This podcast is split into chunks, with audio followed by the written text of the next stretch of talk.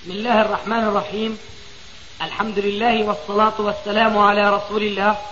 أما بعد فهذا أحد أشريطة سلسلة الهدى والنور من الدروس العلمية والفتاوى الشرعية لشيخنا محمد ناصر الدين الألباني حفظه الله. نسأل الله أن ينفع به الجميع. والآن مع الشريط التاسع بعد المئتين على واحد. الحمد لله والصلاة والسلام على رسول الله وعلى صحبه ومن والاه وبعد. فهذه بعض الأسئلة نريد من فضيلتكم أن تجيبوا عليها.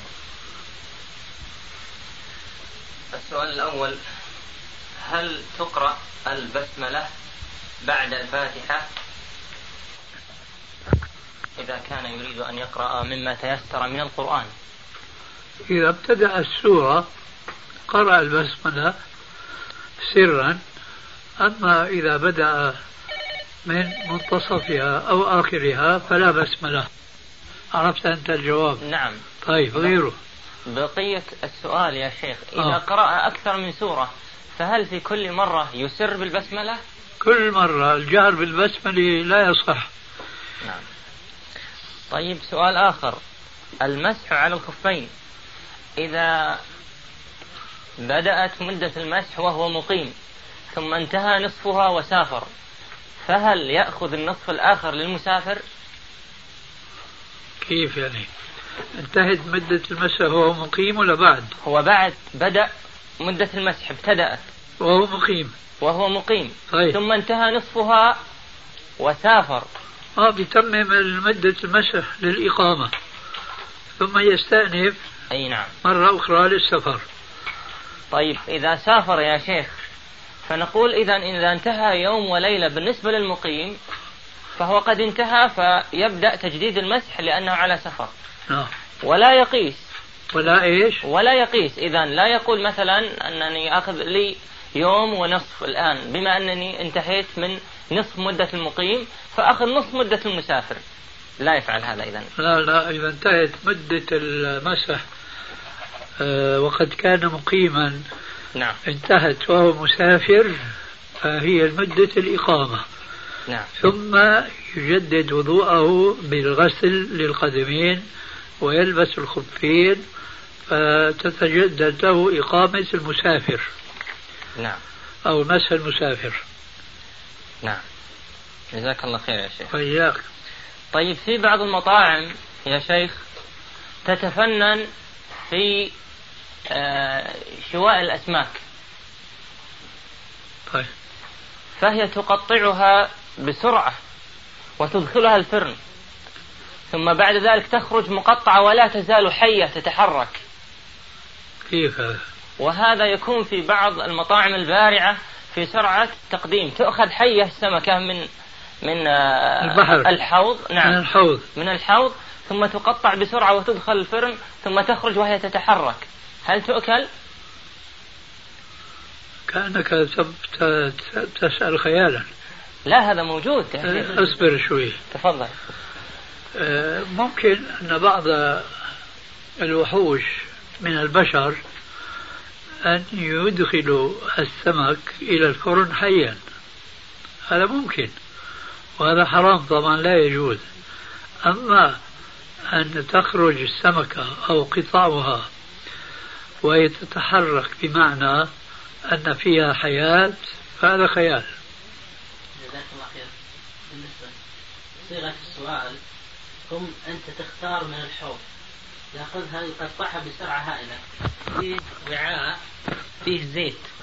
هو يضعها في الزيت في نفس الوقت تطلع من الزيت. ما يخليها يعني مدة طويلة إنما تضعها في الزيت لأن السمك ينضج بسرعة. فيخرجها في نفس الوقت يضعها في الصحن. فتطلع لها لا زال آه، تحس أن السمك يتحرك. طيب.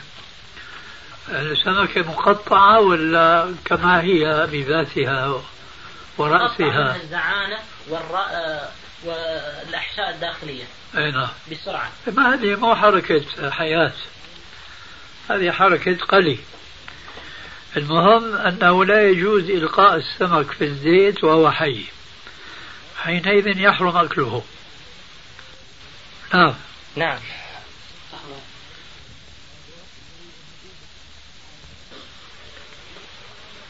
آه، إذا كان من الجائز أن أجيبك حسب سؤالك فالجواب يتعلق بالآمر إلا في حالة كون الآمر أمر المأمور بأن يتحقق من عدم وجود في ذلك المكان الذي يخرج فيه الغاز المميت القاتل أحد. فإذا أمره ولم ينفذ أمره فهو المسؤول وليس الآمر. واضح؟ نعم. طيب. طيب. القتل شبه العمد. هل يصوم بعدد القتلى لكل منهم شهرين؟ ما عندي الآن جواب.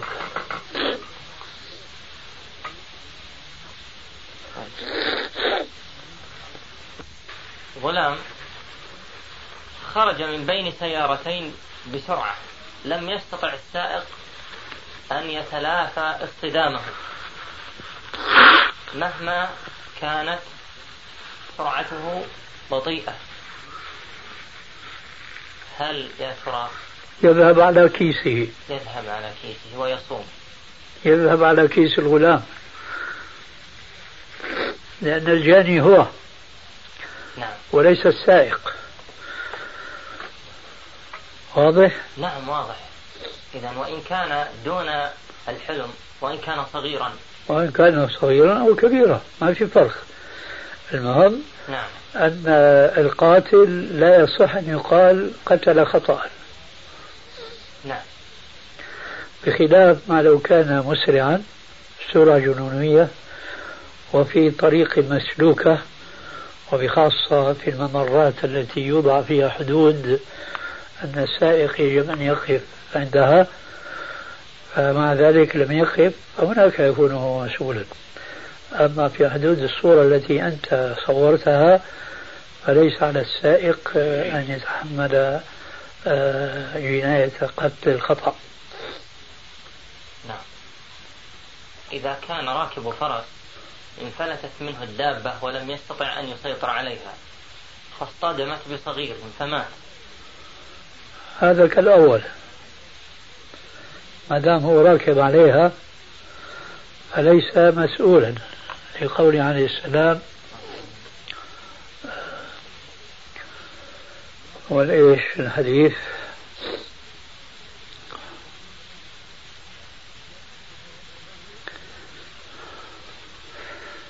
البئر جبار والمأذن جبار. وإيش كمان الحديث؟ البئر جبار والمأذن جبار.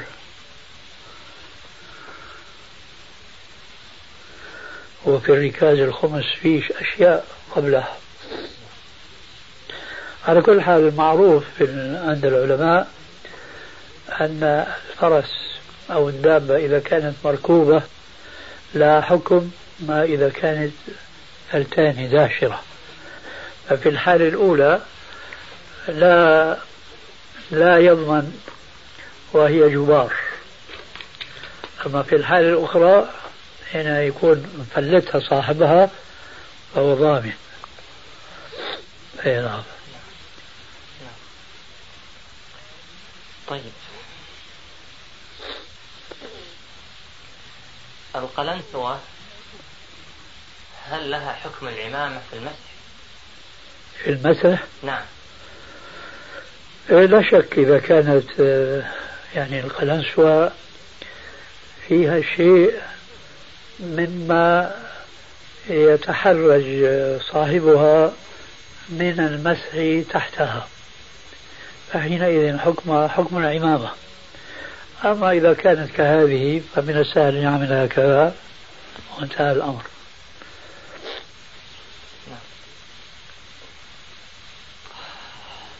طيب. هل يعفى الزبال عن حضور الجماعة لأن رائحة ملابسه تؤذي الملائكة؟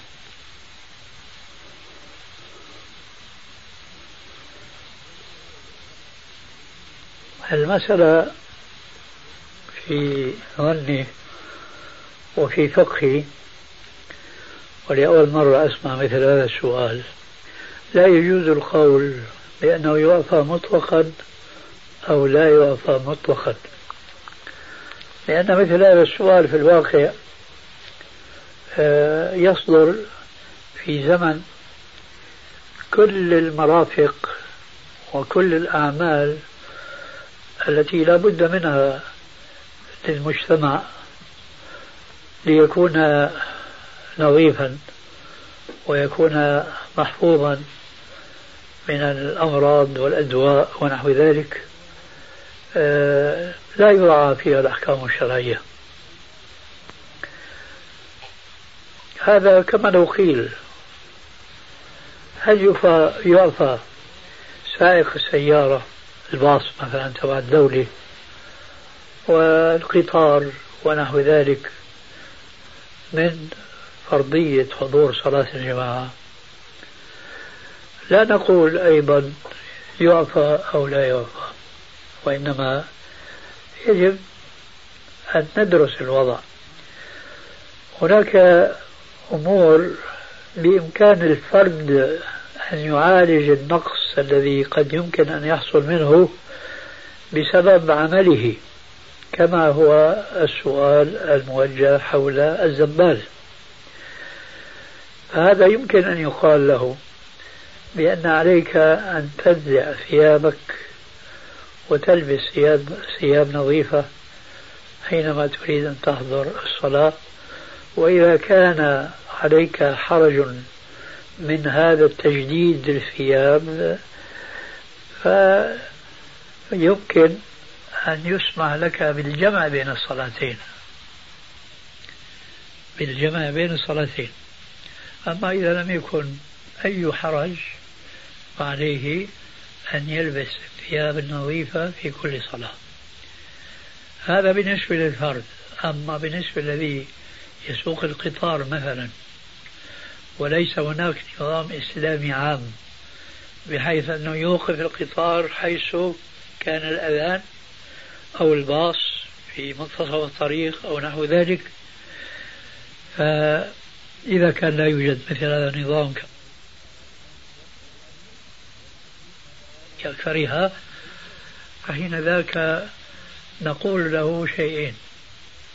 الشيء الأول وقتي والشيء الآخر أبدي.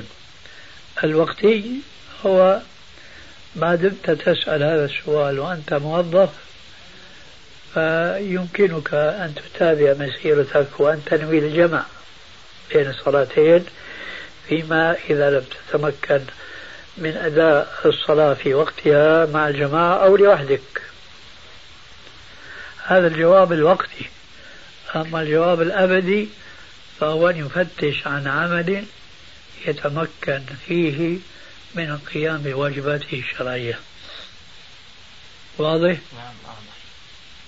جزاك الله خير يا وإياك يا الله. أعطيني شوية مي والله ما أنا ما هو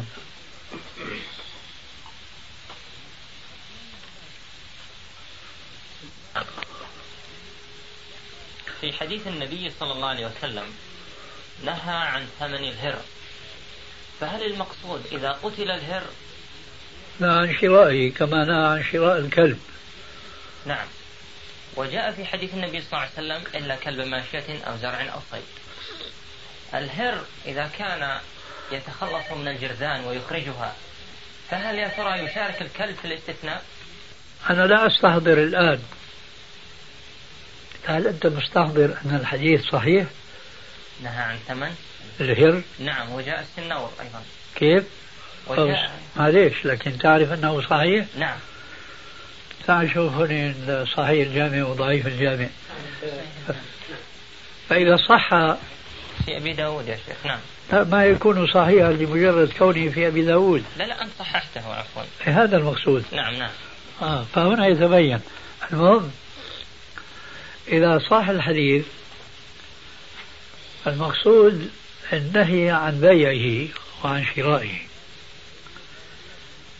أما ما تفرع من هذا السؤال من السؤال الثاني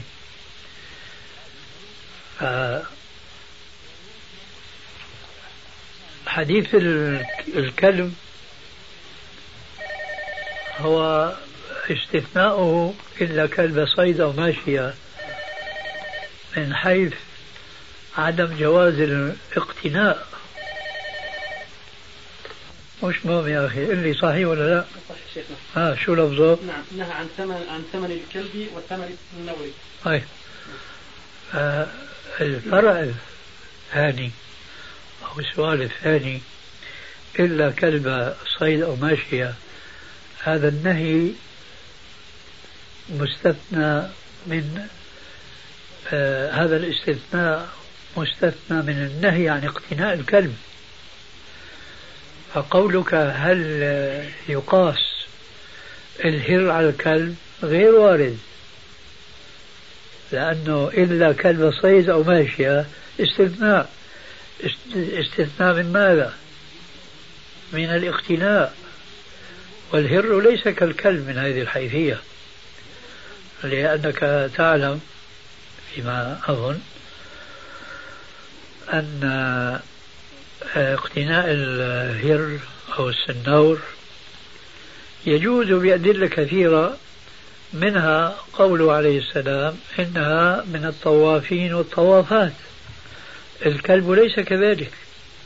فإذا نريد إما أن نصحح السؤال أو أن نلغي السؤال.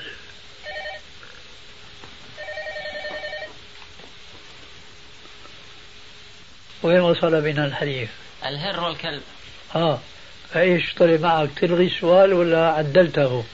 أي أنا أقول لك يا شيخ الواقع. وأنا أسمع لك. نعم. جاء بالفقه أن ما فيه نفع جاز بيعه. فكان هناك بعض الآراء والشروح التي تقول أنه بما أن الفائدة موجودة في الهر لقتل الجرذان وغيرها ولا يمكن إلا يعني بالقط فيحمل النهي آه، عن ثمن الهر على أنه فقط إذا قتل ليس في شرائه للتخلص من الجرذان. هذا الذي يعني فهمته هذا قرأته ولكن الآن بدالي من كلامك على أن القضية لا ترتبط بالكلب لأن القضية ليست قضية النفع وإنما بالاقتناء. أي نعم. وأنا أوضح لك أن الذي ذكرته عن بعض كتب الفقه خطأ. نعم. آه لأن الكلب يختلف عن الهر. لا يمكن للصياد مثلا أن يستعين على الصيد بأي كلب وإنما بكلب معلم كما في إشارة بنفس الآية أو ما علمتم من الجوارح أو مكلمين مكلمين أيوة. آه كذلك كلب الحراسة مش أي كلب تأخذه من الطريق وتحطه حراسة. أما السنور أو الهر فهو بطبيعته بسجيته يصطاد الفيران ويلحقها وكذلك الحشرات ونحو ذلك فلا يستوي الهر مع الكلب من هذه الحيثية نعم. واضح؟ نعم يتفرع يتفرع من التفريق بين كلب وآخر شيئان اثنان أحدهما منصوص عليه بنص صريح معلوم أنه من اقتنى كلب كلبا غير كلب ماشية أو ضارية نقص من أجره كل يوم قيراط والقيراط مثل جبل أحد. جاء في بعض الأحاديث إلا كلب صيد أو ماشية في بعض الروايات أو زرع. أي نعم هنا وقع الخلاف. هذا الكلب المستثنى من النهي هل يجوز بيعه وشراؤه أم لا؟ لا شك أنه يجوز بيعه وشراؤه للمعنى الذي أشرت إليه مما نقلته عن الفقهاء لكن الهر ليس كذلك. واضح؟ نعم. إذا حينما يصح الحديث نهى عن ثمن الهر ينبغي أن يبقى على إطلاقه. أما الكلب فيقيد في غير كلب الصيد والحراسة ونحو ذلك. واضح؟ نعم واضح. تفضل. إذا زنى الرجل أكثر من مرة وعثر عليه في المرة الأخيرة فهل يحاسب على ما تسبب فيه قبل ذلك؟ فيضاعف له العذاب.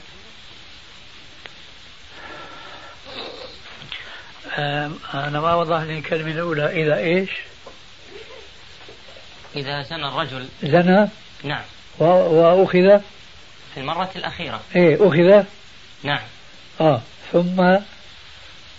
آه فهل يضاعف له العذاب بالنظر إلى ما تسبب فيه مرات قبل هذه المرات يعني هنا يختلف الأمر من نعم. عدة جهات أولا هل هو محصن أم غير محصن؟ نعم. ثانيا هل هو معترف ولا مدعى عليه؟ نعم. فإن كان مدعى عليه فليس من السهل الاتيان بكل مرة بأربعة شهود. نعم. وإذا كان اعترف فنعم يقام عليه الحد عن كل مرة. أي نعم. ولكن ليس من الضروري بل ليس من الواجب من الجائز. أن تجمع الحدود عليه مرة واحدة فيما إذا كان غير محصن خشية أن يهلك. واضح؟ نعم واضح يا شيخ. طيب.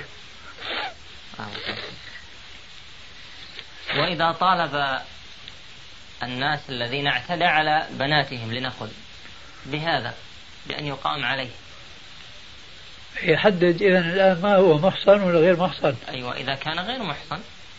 أخذت الجواب. نعم وإذا كان محصن في هذه الحالة. يرجى منتهى فهو سينتهي. آه. نعم. إيه على أساس قولك في قد يكون في هلاكة. إيه، هذا غير المحصن. نعم نعم إيه، نعم. هذا. طيب. في حديث مسح النبي صلى الله عليه وسلم لبدنه قبل النوم ونفسه بعد قراءة المعوذات. هل ذلك هل مسحه على ثيابه أم من داخل الثياب لا على بدنه بدون تكلف إن كان شيء منه ظاهر فبها وإلا على ثيابه بالنسبة للسؤال هذا هل القراءة أولا أم النفس؟ آه النفث على الكفين ثم القراءة ثم المسح السؤال. نعم نعم نعم حديث لقد أعذر الله إلى عبد أحياه حتى بلغ ستين أو سبعين سنة لقد أعذر الله عليه. معنى الحديث.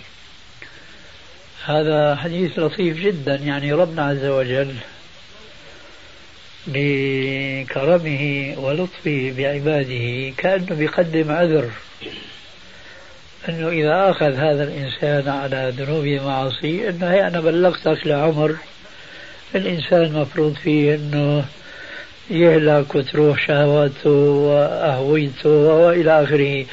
فما بالك أنت؟ ما انتبهت لهذا كله وظللت مستمرا في معصيته فأنا قدمت إليك عذري. هذا ربنا يعملنا بلطفه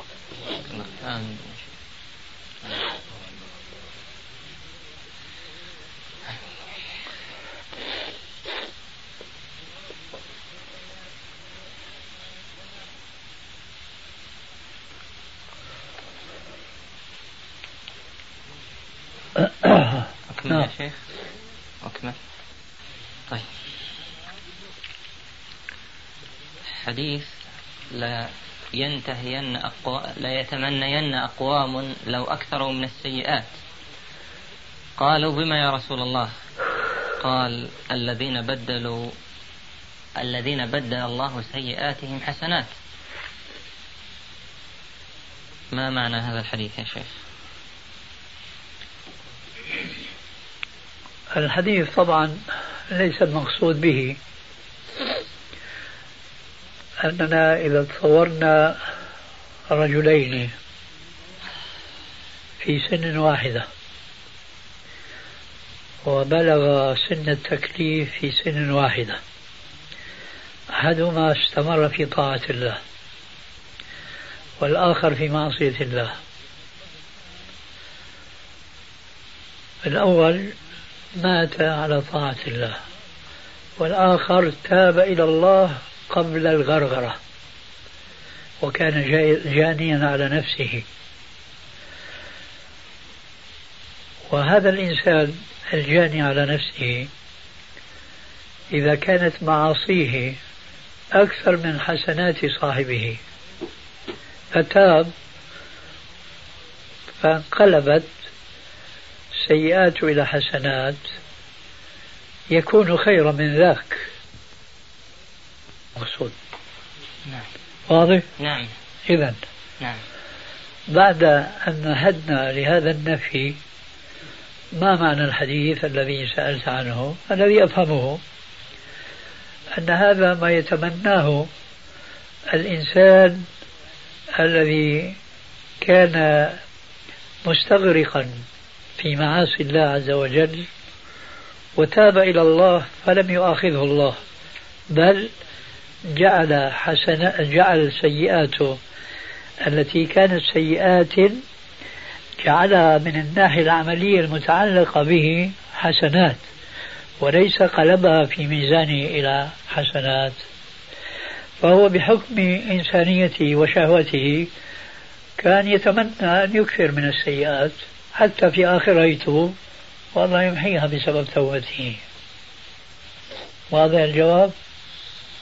نعم. واضح لكن مو مقنع.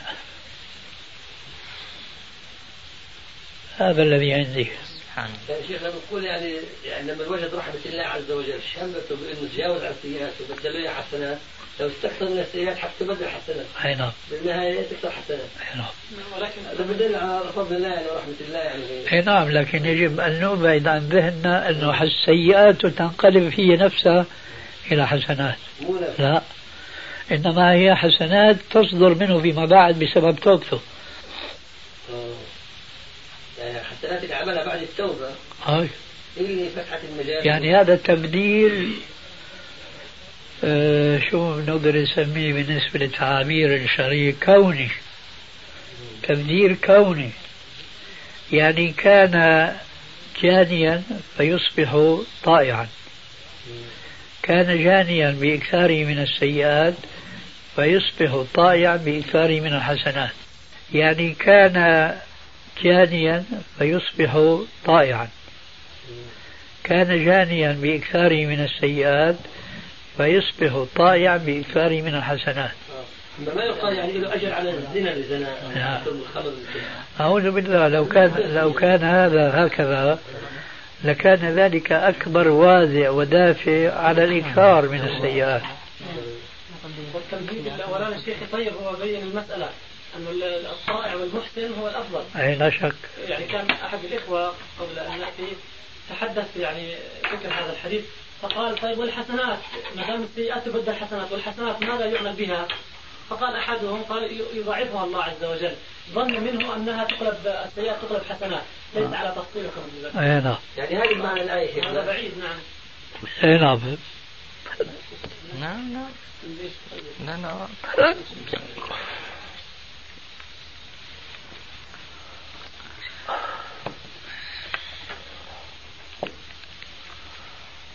حديث يا شيخ لو غفر لكم ما تأتون إلى البهائم لغفر لكم كثير. معنى الحديث يا شيخ. من الجناية والاعتداء والظلم للحيوانات. نعم. لو غفر هذا لأصحاب الدواب الذين لا رفق عندهم بالدواب لغفرت لهم ذنوب كثيرة. يعني ما بيرحموش الدواب ما بيرحموا الدواب من لا يرحم لا يرحم. نعم.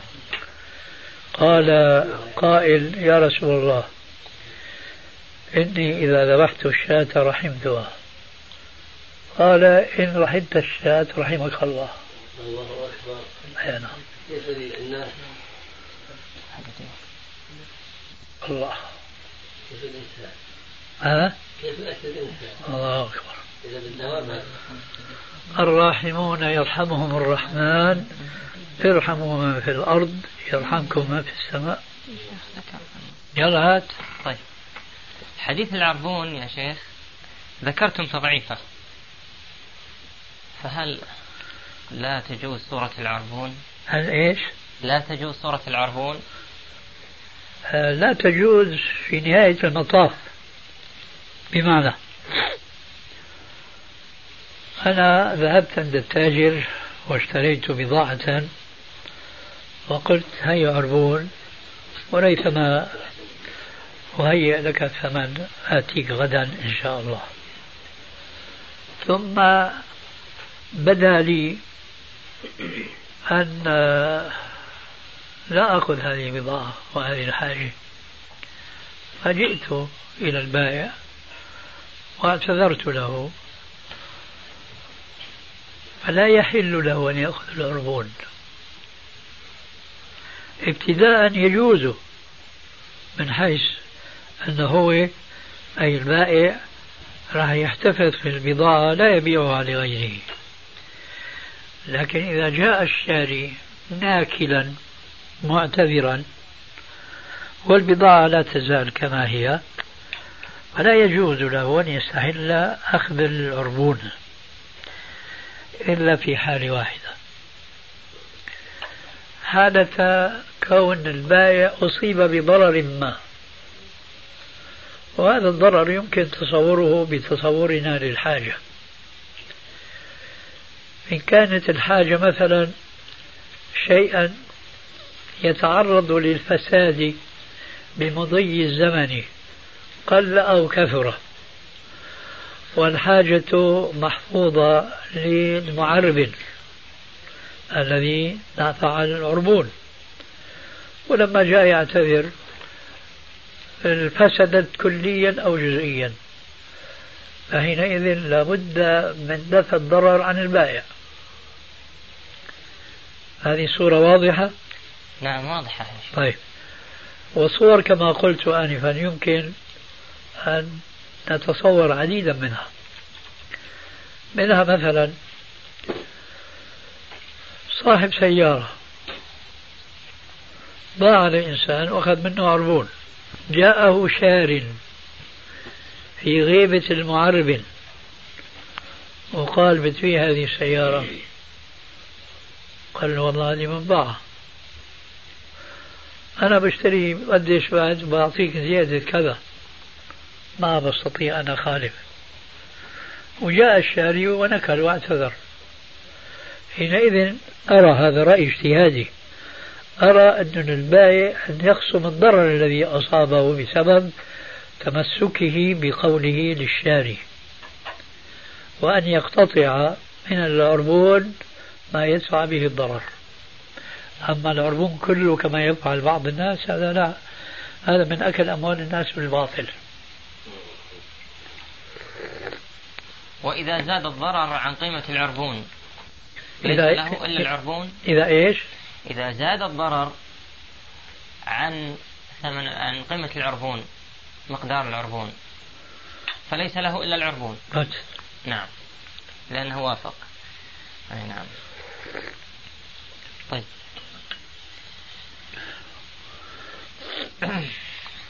الفرق يا شيخ بين المختلس والمنتهب والسارق.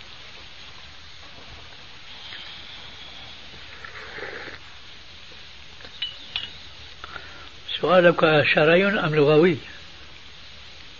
شرعي وعلاقته بالقطع يا شيخ. آه.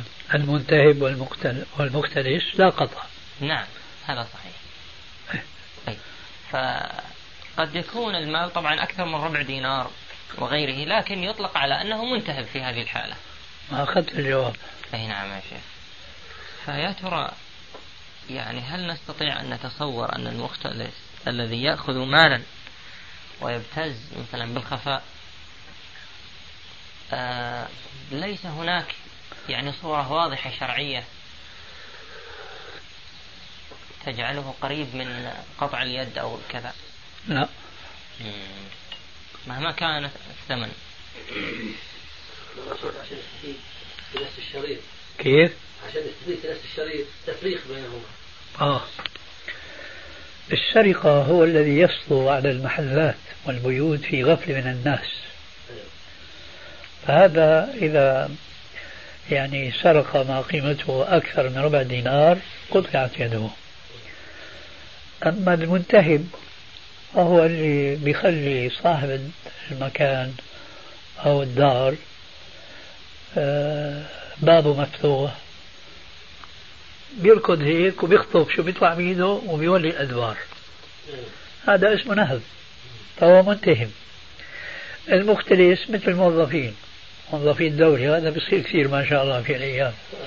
أي نعم. صندوق أمين لكنه غير أمين. بيحمل الصندوق وما فيه يولي الأدبار هذا مختلس. ممكن بقى صورة أخرى بيقدم حسابات مزورة. ياخذ شيء ما بيسجله أو بيسجل شيء ما بيسجل شيء وهكذا.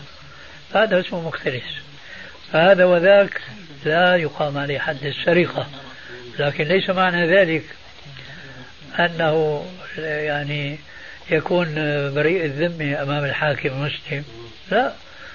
قد يجلده جلد تأديب قد يحبسه قد قد إلى آخره. إنما حد السرقة لا يقام عليه. هذه استفدناها من اللغة شيخنا التفصيل هذا لا من اللغة والحديث لذلك أنا سألته. سؤالك شرعي ولا لغوي؟ نعم نعم. طيب يا شيخ سؤال آخر. جزاك الله خير يا شيخ. نعم. هل يحق للأب أخذ مال أحد أبنائه لتزويج ابن آخر؟ مع أن المهر كثيرا. غالي نعم. إذا كان الأب بحاجة إلى ذلك من جهة والابن الذي يراد تزويجه أيضا بحاجة جاز وإلا فلا. بمعنى إذا كان الأب غنيا فليس بحاجة أن يأخذ من مال ابنه وإنما هو يريد أن يسطو على مال ابنه. هذا لا يجوز. من جهة الإبن الذي يراد تزويجه هو عنده زوجة مثلا لكن يريد أن يتمتع بأخرى. ما في مانع أن يتزوج بأخرى لأن الشرع أباح له مثنى وثلاثة ورباع. لكن مو على حساب الغير. واضح؟ نعم واضح آه.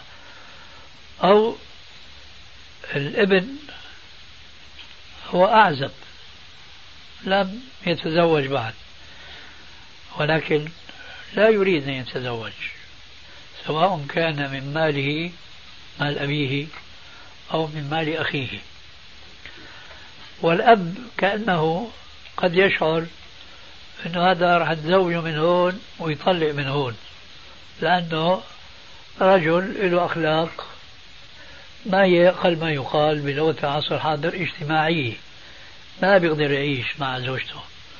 فما بيريد الأب يخسر جيبته ما بيخسر جيبة ابنه. هذه أمثلة طبعا ليست مقصودة بالذات وإنما المقصود بها إيه؟ تقريب المسألة إلى الأذهان. واضح؟ واضح يا شيخ.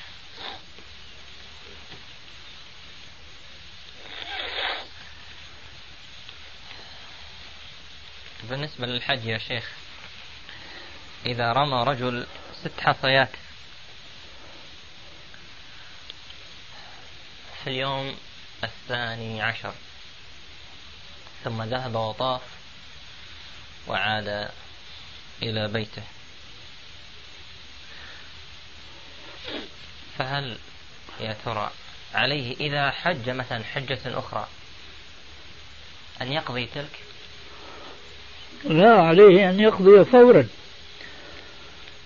فور تنبهه لتنقيصه من رمي جماره عليه أن يعود فورا وإلا فقد فاته الركب. حتى لو كان بعد انقضاء الشهر آه. لأن هذه المسألة مثل أي فريضة ينساها الإنسان فيتذكرها. فوقتها حين يذكرها. فقضى الله فإن الله حق في القضاء في حديث لعن الله السارق يسرق البيضة فتقطع يده إلى غير ذلك. معنى هذا أنه لا يزال ملعونا حتى لو دون ربع دينار. لا. نعم. الحديث جوابه عندي من ناحيتين. ناحية أخرى ناحية منهما مذكور مذكورة في بعض الكتب وهي أنه ليس المقصود بالبيضة بيضة الدجاجة التي مهما اختلف نوعها واختلف الزمن الذي سرقت فيه فلا يبلغ شأنها أن تكون ربع دينار فصاعدا ليس المقصود بالبيضة هنا هي بيضة الدجاجة ولا يتبادر إلى الذهن أن المقصود بيضة الأوز يعني بتكون أكبر شوية لأنه أيضا يرد عليه نفس الكلام. وإنما المقصود بيضة الرأس. وهذا نوع من السلاح كان معروفا يومئذ وله قيمة له كلفة. هذا الوجه الأول. وهذا الذي ذكره الفقهاء. آه، الوجه الثاني وهو احتمال. يمكن أن يكون المقصود البيضة هي بيضة الدجاجة بالذات. لكن كان هذا قبل التشريع الجديد والأخير لا قطع إلا في ربع دينار فصاعدا. فهذا ينسخ الأقل. على هذا يحمل الحديث. الخوذة الحرب حرب طبعا في حديث يا شيخ آه لأنهين أن يسمى بنافع وبركة ويسار. يسار يا شيخ. لو ذكرت شيء من المنع مثلا ما صلته مثلا هل فيه تزكية؟ هل فيه شيء؟ يسار هنا من اليسر. نعم. إيه؟ فهل هنا يسار؟ يعني كما لو قلت هل هنا يسر؟ بتقول لا. هذا مدعاة للتطير مش تزكية. الاسم يسار يا شيخ. ألا يقارب اسم سهل؟ ما في قياس في الموضوع. أي نعم. ما دام جاء النص فنحن نوجه النص ولا نقيس عليه إلا إذا كان هناك قياس يعني كما يقال أولوي. أي نعم. ممكن أن نقيس.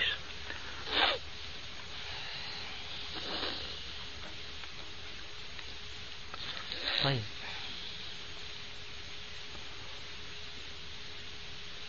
في حديث الجراد من جنود الله. إيه. ذكرتم أخيرا ثبوته ذكرنا أخيرا إيش؟ ثبوت هذا الحديث. أي نعم. نعم. طيب يا شيخ لأنه طبعا يؤكل. فقضية من جنود الله يعني غريبة شوي على طالب العلم عفوا يعني. إيه معلش إيه. ف... بس هذا طالب العلم الظاهر ما سمع غزو الجراد؟ أي نعم. اللي عجزت الجنود أن تتغلب عليه. وين الغرابة؟ أي نعم. هذا مشاهد بالعين. أي جزاك الله خير. آه. لا هو عفوا يعني إيه؟ تذوق النص غرابة النص من حيث. أنه من جنود الله. إيه. فكلمة يتوقعها الإنسان أن الله له الملائكة وله غير غيرهم يعني.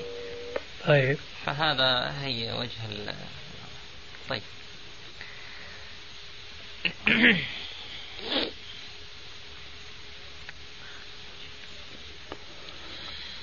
حديث لكل سهو سجدتان. نعم.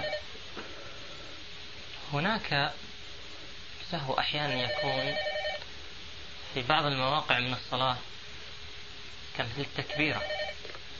لي لن يجمع الله تعالى هذه الأمة سيفين سيف منها وسيف من عدوها. يقصد يعني استئصال الأمة الكافرة للأمة المسلمة. هذا لا يقع. وإنما يهلك بعضهم بعضا. والعياذ بالله. والعياذ بالله. نعم. السروال يا شيخ إذا نزل عن الجورب إلى أسفل الكعب آه. السروال إيه. وارتفع الجورب إلى أعلى. إيه. هل نأخذ حكم السروال بأنه مسبل؟ أنا فهمت سؤالك لكن ما عرفت النكتة من وساطة الجوربين شملته شيخنا والمؤسسة أيوة هذا إيه لما دخلنا عليه بس لا يمكن في هذه الحالة لا يمكن أن ينزل السروال إلى الكعبين. لا ينزل لكن يرتفع يغطيه. الجورب يغطيه من أعلى إلى أسفل. أنا عارف لكن السروال ما ينزل إلى الكعبين في هذه الحالة. وهي قدامك صاحبك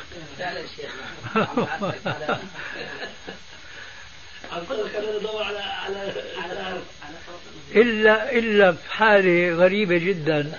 أنه يتقصد اللابس للسروال يعني معاكسة الحديث. ولا لا يمكن لأن السروال لما بده يجي فوق منه الجورب لابد ما يطلع لفوق شاء أم أبى اللابس. واسأل به خبيرة. لا يثبته يا شيخ ها يثبته إلى أسفل حتى يجد الدفء على الكعبين. الدفع الكعبين؟ آه أكبر. على كل حال لا خلينا بقى. إيه، خلينا نبحث ولو بشيء هو بالنسبة لنا خيال آه، أنا كما قلت آنفا لا أتصور بقاء السروالين أو كمي السروال إلى ما تحت الكعبين وهما تحت الجوربين. لا أتصور هذا. لكن إذا إنسان ما تعود تعمد ذلك فلا شك أنه داخل في الوعيد الشديد. لهذه فيما يسمى بالافرهول أو اسمه الكيلون هذا إنه الجورب وسروال ملتصق التصاق واحد. يعني هذه صورة. ما حكم هذه الصورة؟ إن طبيعة اللباس سروال وجورب أنا بقول هذا له حكم ثاني لأن هذا ليس سروالا. ليس سروالا. ليس لا سروال ولا إزار ولا أي شيء ممكن ندخله في عموم النص. هذا من جهة. ومن جهة أخرى هذا في الواقع ليس لباس المسلمين. لأنه هذا تلبس عادة كثير من النساء. واللي بيقصدوا إنه يلبسوا شيء مخصر محجم. طبعا بالنسبة للأطفال الصغار. هذا ممكن وارد لكن هذا من أجل التحفيظ وما شابه ذلك. أما بالنسبة للكبار فما هو إلا من جملة التقليد المحظور شرعا للكفار. من هذه الناحية فقط. أي نعم. إذا قصد فيه يعني التشبه لا مش مقصود مش التشبه يقع ولو لم يقصد التشبه. نعم. أي نعم غيره. صحيح يا شيخ. طيب. بالنسبة للعقيقة. عن الصغيرة شاة الجارية. فنظرا لكثرة الحاضرين. فأراد أبوها أن يذبح شاة أخرى. هل في هذا تعدي على السنة؟ ليس فيه تعد على السنة. إذا كان هو عارف السنة. نعم. وأظن أنه غير عارف السنة. لأنه كثير من الناس يتوهمون أن العقيقة ينبغي الدعوة إليها وهذا ليس من السنة. في حديث لكل سهو سجدتان. قد ينسى المصلي بعض صور الصلاة مثل بعد السنن. بعض السنن نعم. هل هذا المقصود؟ هذا من المقصود. من المقصود. إذا لكل سهو على الإطلاق. وهو كما قال عليه السلام. النبي صلى الله عليه وسلم في بعض الأحاديث عاتب صاحبه لما لم يذكره آية نعم. نسيها. أي نعم. لم يعد النبي صلى الله عليه وسلم يسجد سجود السهو. أي نعم. أي نعم يا شيخ. الجواب من ناحيتين. الناحية الأولى قاعدة يدندن حولها ابن حزم كثيرا وهي قاعدة مهمة جدا. يؤخذ دائما من الشرع الزايد فالزايد فهنا عندك الحديث الثاني هذا على البراءة الأصلية يعني على الإباحة. هنا لكل ساو سجدتان تشريع جديد. فيؤخذ بالجديد ويترك القديم. الجواب الثاني لكل سهو سجدتان إلا ما ثبت أن الرسول لم يسجد له. أو مش ضروري يكون فعل قد يكون قول والقول أقوى. مثاله حديث المغيرة بن شعبة أن الرسول عليه السلام نسي يوما التشهد الأوسط فقام فسبحوا له. فلم يعد. بعد السلام قال إذا سهى أحدكم فقام إلى الركعة الثالثة.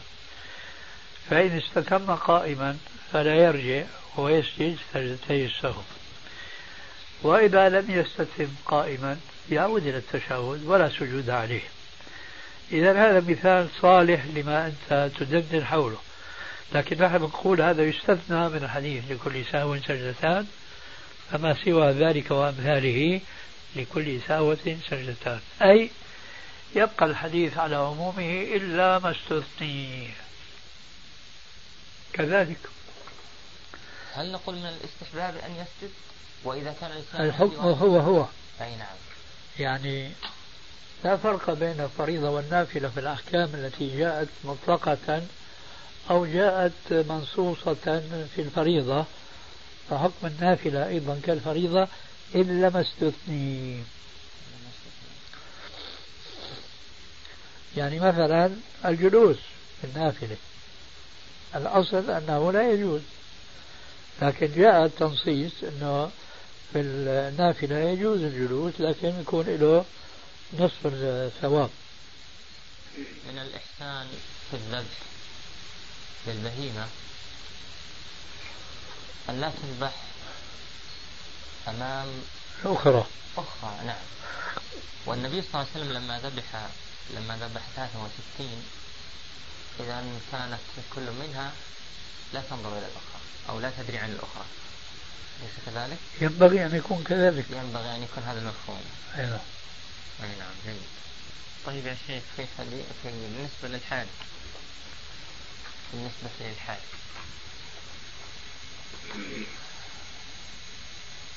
إذا جاءت الطائرة من أمريكا وأرادت أن تقف على مطار جدة فمن أين يحرم؟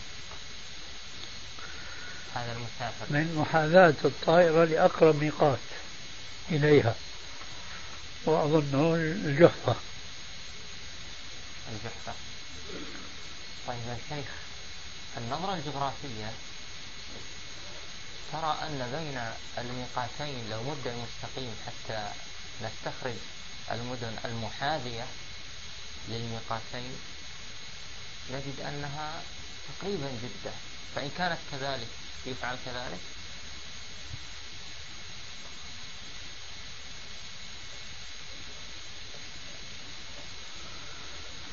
صعب جدا أن أتصور صحة هذه النظرة الجغرافية. هذا هو الغرب. والطائرة جاية من الغرب من أمريكا أو غيرها. وهنا الجحفة. وهنا ميقات آخر إيش يكون؟ يلملم ولا إيش؟ نعم طيب. اليمن. نعم. طيب. يعني في منتصف المسطرة. اللي بتمثل المسافة. ما بتكون أقرب إلى هنا ولا أقرب إلى هنا بالمرة خاصة مع وجود المقاييس الدقيقة في العصر الحاضر. إن على كل حال لكل سؤال جواب. إن كان الأمر كذلك فهو كذلك. لكن إن كانت أقرب إلى هنا وبعيد شوي جدة إلى الأمام فلا يجوز أن يحرموا من جدة. وإنما من قبل ذلك. إذا يا شيخ هو يحاذي أحد الميقاتين بس إلى أي ما أقرب؟ إلى أيهما أقرب؟ آه. لا يحاذي نفسه بينهما. لا. أي نعم. لا بينهما مش وارد نعم. إلى أي ما أقرب؟